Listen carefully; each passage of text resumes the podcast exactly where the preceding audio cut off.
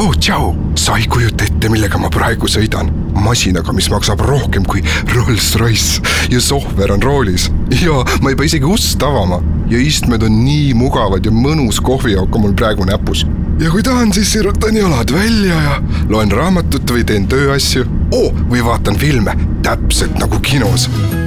Lux Expressiga on mitu korda mugavam sõita kui oma autoga. ikkagi Eesti kvaliteetseim sõidujagamisteenus. osta bussipilet luxexpress.eu. ja muide, Lux Expressiga saad iga pool ja täistund Tallinnasse ja Tartusse.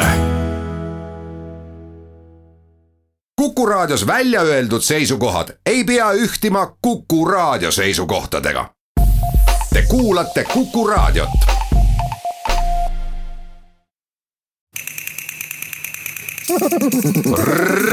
reisirada. tere, Kuku raadio kuulaja, algab sügishooaeg ja seega ka uus hooaeg Reisirada saates. esimestes saadetes heidame veel pilgu möödunud erakordselt tihedale suvele ja seda nii kultuuri, elamuste, külaliste ja külastajate, muusika ja ilma poolest peale väikest värvikat tagasivaadet suvele, kus reisirada reisis mitmete erinevate ürituste juurde ja külaliste juurde, kes tulid Eestisse sellel juubeliaastal. Need olid nii iirlased tähistamas Eesti iseseisvumist, olid austerlased folgil, õpetades mitu ööd ja päeva Austria tantse. sinna vahele Eesti keskaja tähelepanuväärsema kunstitöö uue kuue saamine Niguliste kirikus ühe Eesti võimsama koloristi näituse avamine Kumus. sellest me alguses räägimegi ning siis teeb reisirada väikese muutuse. hakkame rääkima ka reisijate esimestest või erakordsetest reisidest ning jagame reisiuudiseid, mis on ehk kasulikud, võivad olla aga ka imelikud. täna alustame aga kõigepealt lilledest. sest on Eesti juubeliaasta sada, on Kadrioru kolmsada ja Tornide väljaku lillefestival kümme reisirada lookleski müüri äärt pidi sõnumitootjate aedade vahel. saatejuht Jaak Karin ütleb alanud septembris tere tulemast uue hooaja esimesse saatesse Reisirada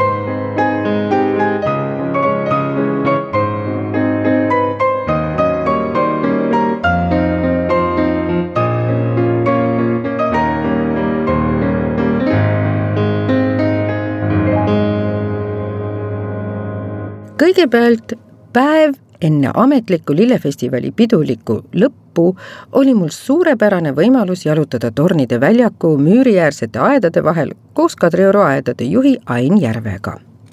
kahekümne üheksa osalejaga ja nendest üheksateist välismaalt näitas ennast selle aasta lilleaed. erinevad mõtted ja arusaamad, see kõik oli alates maikuus siin imetletav mis kõik aga aedade sõnumites peitus, sellest sain ma teada ka alles ise sellel jalutuskäigul. me praegu oleme siin äh, Tallinna lillefestivali eelviimasel päeval, ametlikul eelviimasel päeval. ja mis hakkab siis äh, siin homme saama? homme on äh, siis festivalil selline esimene juubeli tähistamise lõpetamine, et me oleme nüüd kümme aastat äh, seda festivali siin Tornide väljakul teinud. Tornide väljak, nagu me ju ajaloost teame, ongi olnud ju selline näituseplats ja, ja mis saab olla veel paremat asukohta ühele festivalile kui, kui nii-öelda ajalooline järjepidevus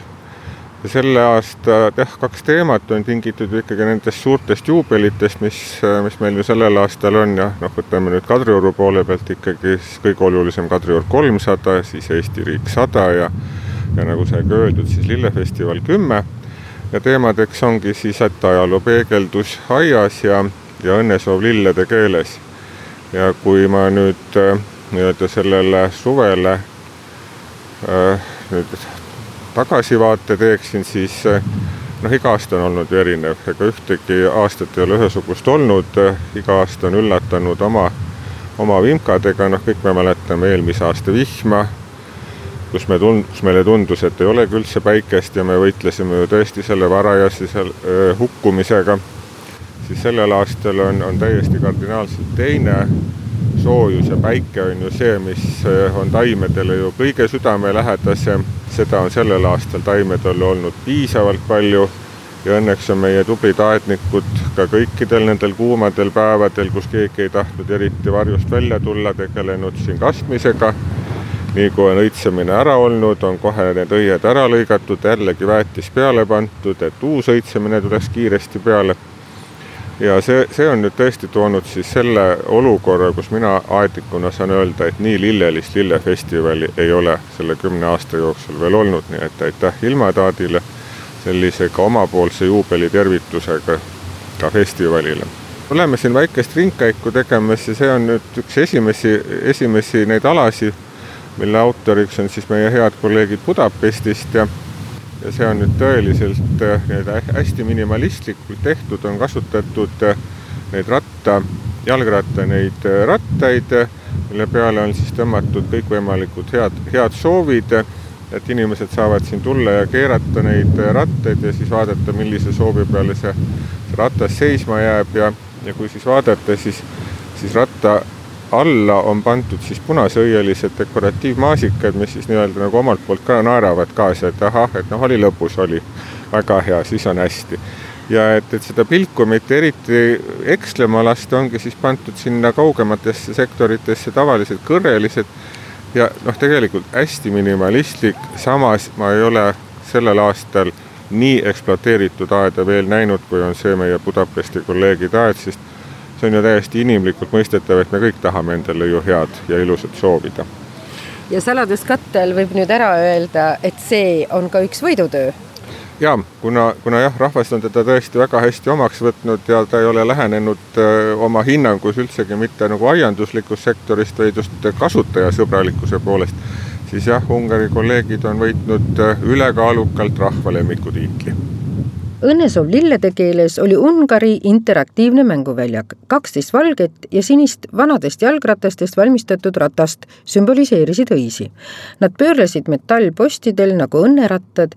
ja peatudes edastasid sõnumeid nagu, et sul on ilusad silmad või ära anna alla. ja kui me nüüd edasi läheme siin, siis üks asi, mis on äh, ka, mängib rolli siin aias, et ta on päeval ühtemoodi ja õhtul teistmoodi, sest mõned asjad, nagu me siin juba näeme, ka hakkavad helendama õhtuti no aednikud ju tahavad seda, seda võlu ära kasutada, sest nii kummaline kui ka see ei ole, siis meile see suvine väga valge aeg üldsegi ei meeldi, sest et äh, jällegi seda pime, pimeduse,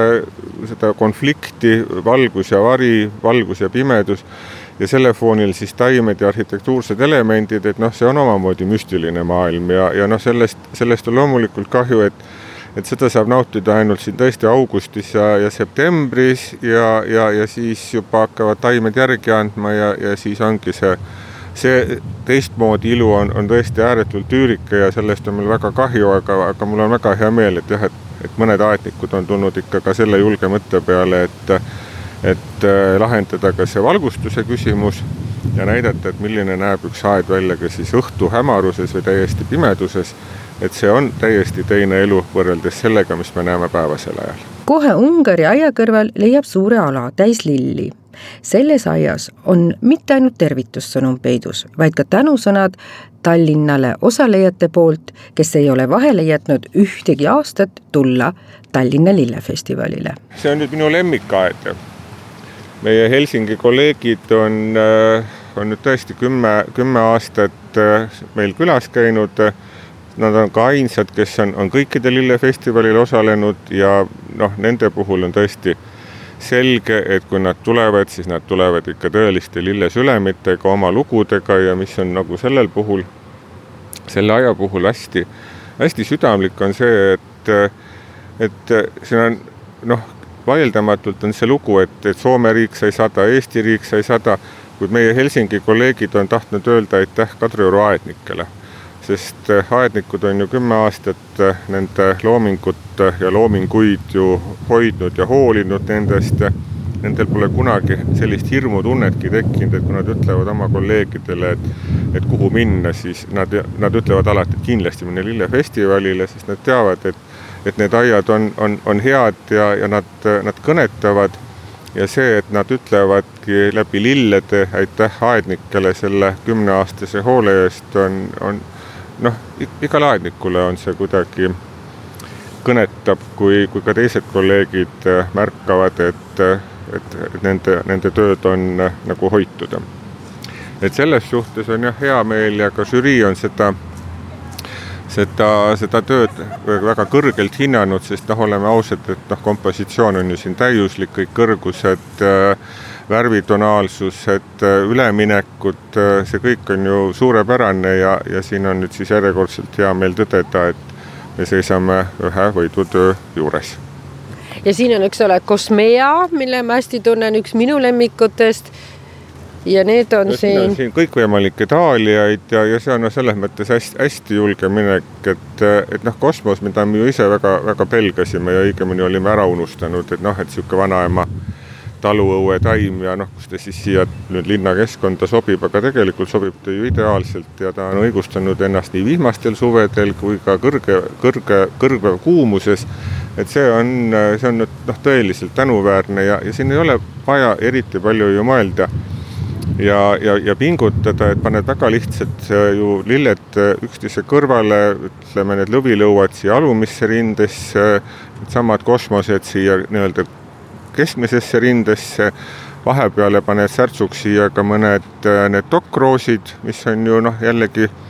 uus ja, uus ja väga, väga huvitav vihje, et ka linnahaljastuses võib ju dokkroose kasutada, kuigi noh, nad on natukene töömahukad nende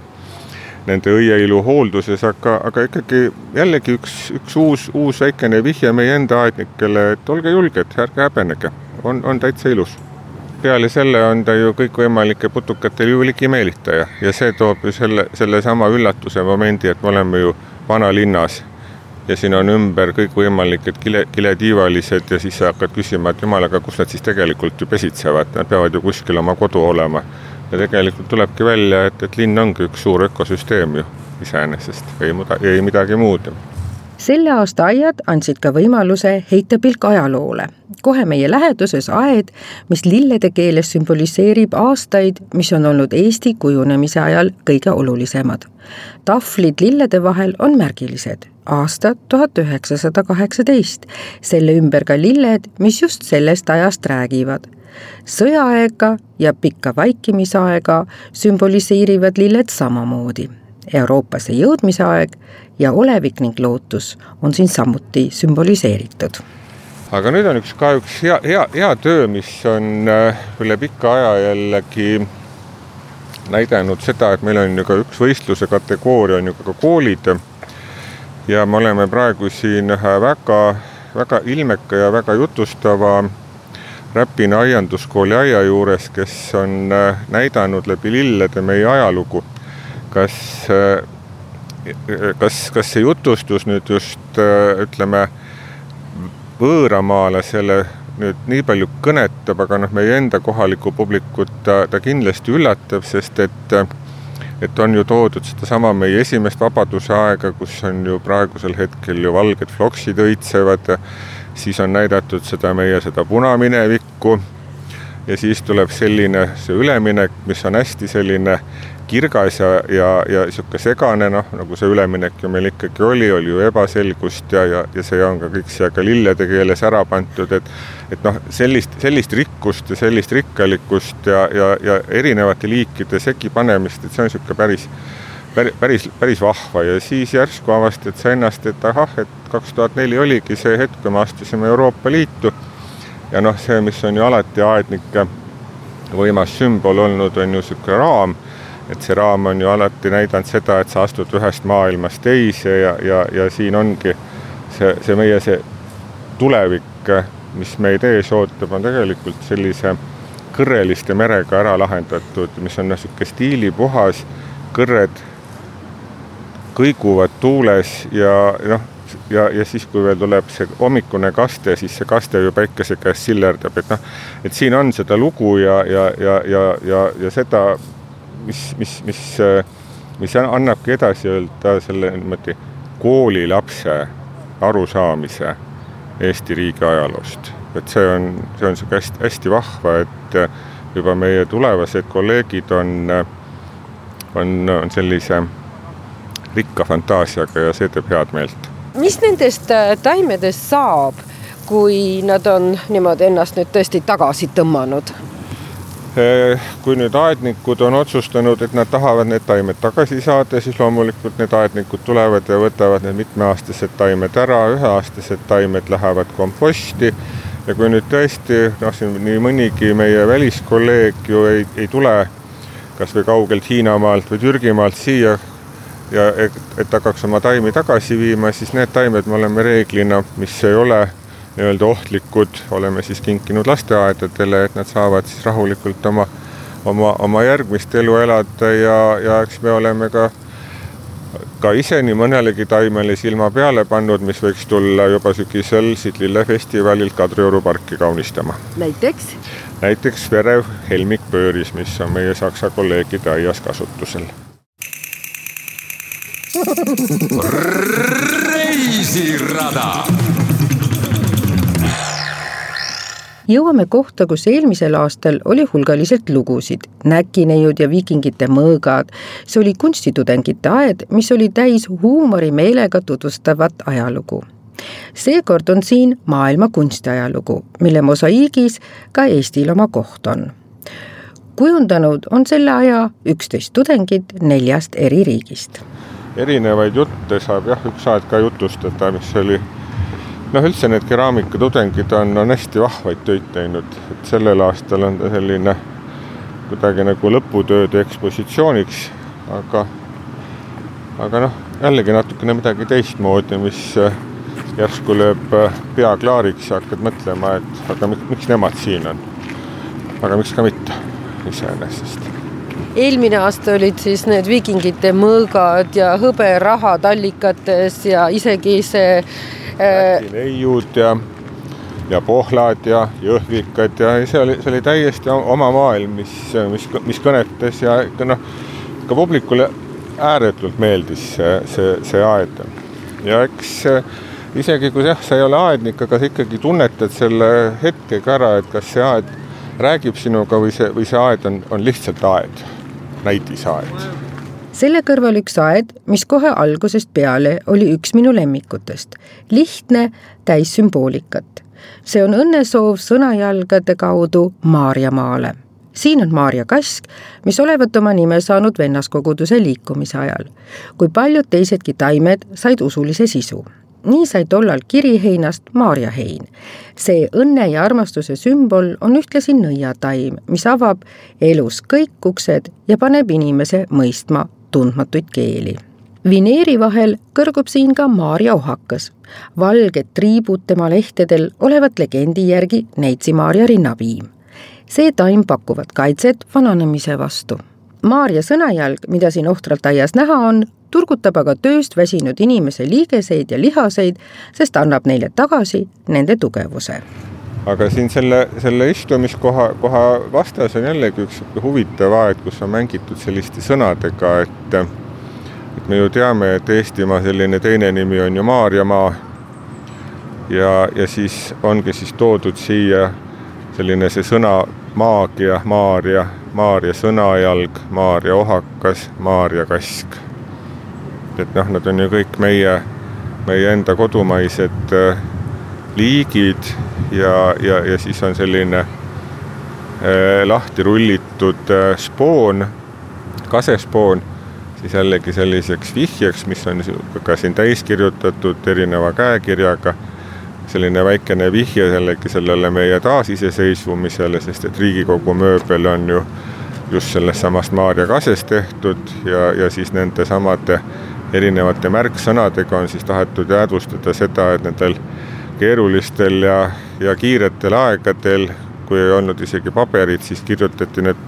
kiired mõtted kas või sinna laua peale pliiatsiga, et, et meelest ära ei läheks ja, ja, ja siis sai ju jällegi seda poliitilist diskussiooni edasi pidada kui sul olid ikkagi märksõnad juba enda jaoks ilusasti paika pandud, nii et äh,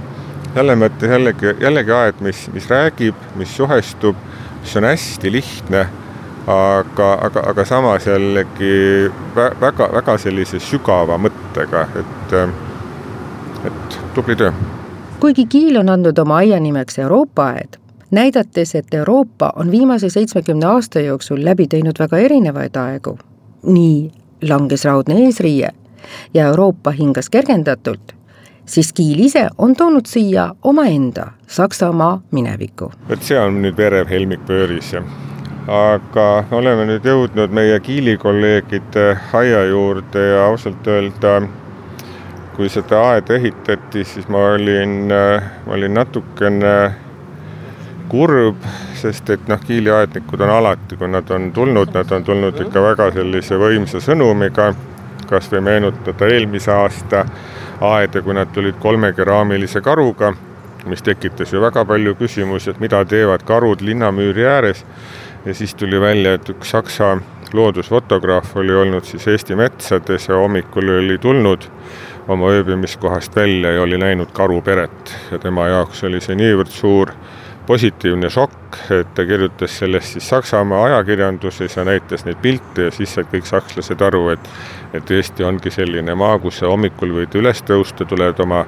putkakesest välja ja võidki kohata karuperet. aga seekord jah, see, see teema ajaloo peegeldus aias on on meie head kolleegi Rainerit Kiilist kuidagi nii, nii tugevalt kõnetanud, et, et ongi teinud nagu kaks maailma, mis näitab seda, et et Saksamaa ju ühines juba ju kakskümmend kaheksa aastat tagasi. Aga, aga need haavad on ikkagi endiselt hinges. ja siin me nüüd olemegi siis see verev helmikpööris ja, ja tavaline see kaerasilm ja, ja see oleks nagu verejõgi. kahel pool on üksteise suunas tulistavad kahurid ja, ja siis on see betoonsein. ja siis pärast betoonseina tulevad Saksa Liitvabariigi lipuvärvid ja nool.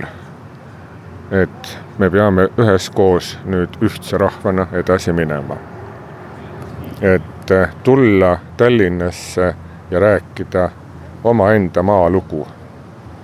selleks peab olema julgust ja selleks peab olema väga suurt südant, et eh, tuua selline lugu siia ja see lugu on võidulugu. lõpeb see aed väikeste roheliste mügarikega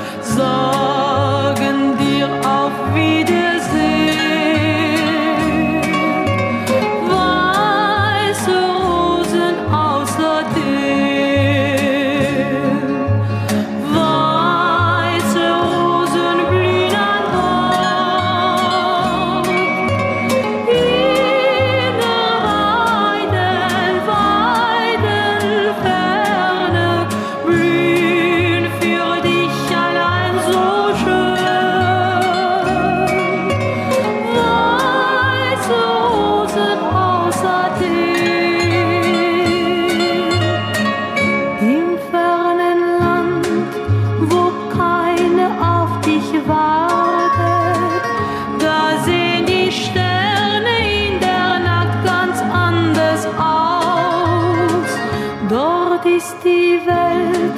so fremd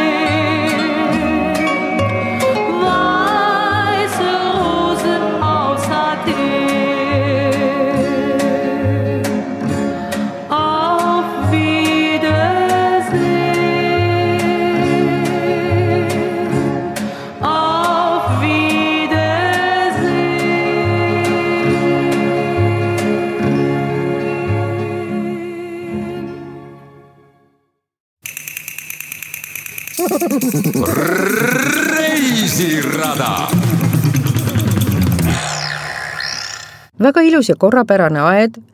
mis väga erineb sellest, mida just vaatame, siis lähemal uurimisel selgub, et inspiratsiooni on siin saadud kaheksanurksest tähest, mis on Seldžukkide impeeriumi kultuuri ja kunsti peamine sümbol ning mida on laialdaselt kasutatud antiikses Lähis-Idas. Tähe iga nurk tähistab üht universaalset väärtust, milleks on halastus, ausus, suuremeelsus, lojaalsus, saladuse hoidmine, kannatlikkus, kaastundlikkus ja tänulikkus. temal on selline noh, nii-öelda Antalya reklaamaed, aga, aga see on, see on, see on jällegi aed, mis jah, on valged marmorid, on, on need head kujundid, mis on see Antalya nii-öelda see linna sümboolika. aga noh, ta, ta jääb meile ikkagi kultuuriliselt võõraks, et, et siin, siin on nagu väga raske leida sellist äh, tervitust. et noh, et tere tulemast Antalyasse, et, et noh, meie need õnnetud petuuniad kahjuks ei anna nagu seda, seda meeletut soojust edasi, mis, mis me leiame, kui me Antalyasse ju läheme, et et siin on nüüd natukene ka saatnikud ei, ei ole nagu väga hästi süüvinud sellesse taimaterjali, mis on meil võimalik saada või, või on siin mingisugused äh, muud äh, sellised keeled, kas siis sinine sümboliseeriks siis seda Vahemerd, mis Antalya ääres on, noh, et see on nagu jäänud nagu, nagu lahti äh, kirjutamata selles,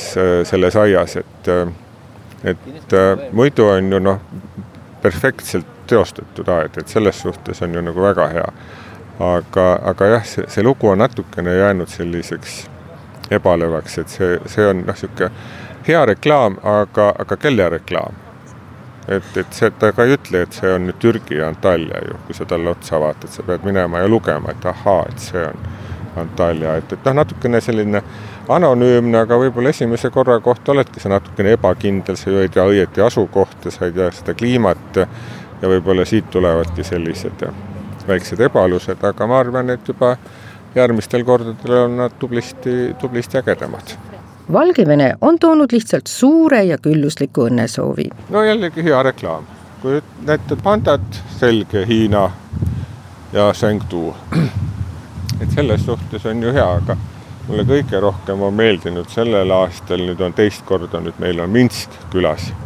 ja kui nad eelmine aasta tulid esimest korda, siis nad olid ka, nagu me seal Antalya puhul nägime, et natuke sellised ebakindlad, sest meil oli eelmisel aastal ju teema see pereaed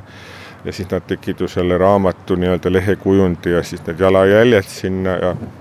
et noh, et võib ka niimoodi seda pereaeda näha, aga kui sellel aastal on ikka õnnesoov lillede keeles, siis noh, Valgevene aednikud nüüd õievahu pealt pole küll kokku hoidnud ja ja see on ikka noh, suurepärane selline töö, lihtne, siinsamas on noh, näidatud natukene ka nende seda rahvusmustrist läbi nende lillepeenarde, aga noh, ta vähemalt lööb selle värvikülluse ja selle mahuga ja noh, see on nüüd tõesti ka see aeg, kus sa võid näha, et et kui sa annad semperbegooniale väetist ja vett ja tasuta on sul soojus kaasas, siis noh, tänuväärsemat lille sellisele soojusele ei ole olemas, et et sellel aastal on jah, see õnnesoov küll Minskist hästi lopsakas. nii et aitäh neile. ja kas see kuulub ka auhinnatud tööde hulka? Me tunnustame teda küll jah, kui kõige lillelisemat aeda, aga, aga noh, tal on äh, tal on sellist süga, sügavat lugu on veel, veel vaja otsida nendel, et äh, aga lihtsuses peitub ka mõnikord võlu. Hiina, kes eelmisel korral oli kohal väikeste pandadega, tutvustades sellega hiigelpandasid, mis aga kippusid kiirelt aiast kaduma, siis seekord on külalised Hiinast lahendanud aia hoopis teistmoodi. Nad tulevad Chengdu linnast mille legendid pajatavad linna kunagisest ilust. seal on alati juttu uduloori mähkunud jõgedest, kõrgest mäest ning päikeselisest päevast, mil taevas on sinine ja õhk kirgas. Nii meenutab see aed stiilil Chengdu iidse vanalinna varemeid, kuhu iga taim, olgu see hortensia, lavendel, pilliroog või Hiina nelk, annab oma panuse. No aga Chengdu, nüüd juba, juba kolmas kord meie lillefestivalil peaks olema ju sihuke hea, hea vana tegija. aga ega, ega ei saagi talle öelda, et, et ta ei ole tegija iseenesest, sest et ega need, need konteinerid sellest kiudplaadist ja, ja siis need sellised mänglevad äh, kujundit, sest et ükski konteiner ei ole ju sarnane sellega, mis on eelmine, et, et igalühel on mingisugune oma, oma vimka nii-öelda sees ja, ja see on nagu seesamane tõus. et sa astud oma, oma eluteel ja, ja iga astmega, mis sa astud, sa lähed aina ju kõrgemale, ehk sa lähed ju aina täiuslikumaks et see on niisugune hästi huvitav nende selline filosoofia, et see lill on sellel aastal niisugune ebamäärane, niisugune rant ainult, mis, mis nagu raamistab seda. aga just see, et, et sa iga päevaga, mis sa elad, iga aastaga, mis sa elad, sa lähed ju aina edasi ja sa saad aina paremaks, targemaks, ilusamaks, nii kaua, kuni sa satud sinna kõige ülemise selle terrassi peale, kus on ka siis praegu hästi veel näha, seal on äh, sellised äh, kõrrelised, mis on pandud, mis näitavadki just seda, et, et näed, et kui muidu on kõik selline hillitsetud ja, ja sa oled äh, ikka veel õpid ja, ja kõik on nii-öelda tasane, siis sellele viimasele kastile jõudes, siis sa oledki ju kõige, kõige, kõige. ja siis hakkab kõik jälle uuesti kuigi lillefestival lõpetas oma juubeliürituse, siis jäävad lilled kogu oma ilus meile siiski veel alles, kuni septembri lõpuni või isegi oktoobri alguseni seega on teil veel suurepärane võimalus uurida nii taimi kui aedade juubelisõnumit ning imetleda seda värvikat ilu otse Lubjakivi halli müüri ja kõige paremini säilinud linnamüüri osa juures, kust leiate ka suurepärased ajaloolised fotod. lillefestivalil on ka sõnum valges telgis see on Hoolime Eesti inimestest tegemist on viiruste visuaalse kujuga lillede kaudu. sõnumiks on siin võidelda HIV positiivsete inimeste häbimärgistamise ja diskrimineerimise vastu, mis paljudel maadel on jälle kaasa toonud uued haigusepuhangud. seotud on sellega ka üleskutse minna ennast testima uurida saate te aga ka kaheteistkümnendast sajandist pärit Püha Hildegardi kaudu, milline oli Lääne-Euroopa kloostriaed tollal või uurida Tallinna Kopli ametikooli poolt kokku seatud rukkilille ja petuuniat, Türgi mustköömeni ja lõhnava neitsikummeli kooslust. ning saate kaasa võtta tarkust, mida edastab Venemaa teisest Tallinna sõpruslinnast Peterburist et me mõtleksime oma ümbruses ka meid ümbritsevatele värvidele, et kollane julgustab muutustele, violettne toob meeldesse erakordseid fantaasiaid, punane sümboliseerib aktiivsust ja energiat, valge värskust ja puhtust ning sinine rahu ja vaikust. saate tehnilise külje eest vastutas Veiko Rebane. muusika, mida kuulasime, pärines valsi stiilis komponeeritud laulust Tulbid Amsterdamist see oli kuuldav esimest korda aastal tuhat üheksasada viiskümmend kuus, kui äh, saksa helilooja Ralf Arni tekstile laulu lõi. Saksa näitleja interpret Neumann kirjutas selle laulu peale seda, kui ta oli Amsterdamis näinud tulpide põlde ja siis küsis ta heliloojalt Dieter Raschilt, keda tuntakse pseudonüümi all Ralf Arni, kas ta ei teeks tema tekstile muusika. inspireerituna Tšaikovski Pähklipure ja Sviidist Lillede valss tekkiski laul Tulbid Amsterdamist. saatejuht Karin soovib aga edasigi veel päikest ja ilusat suve lõppu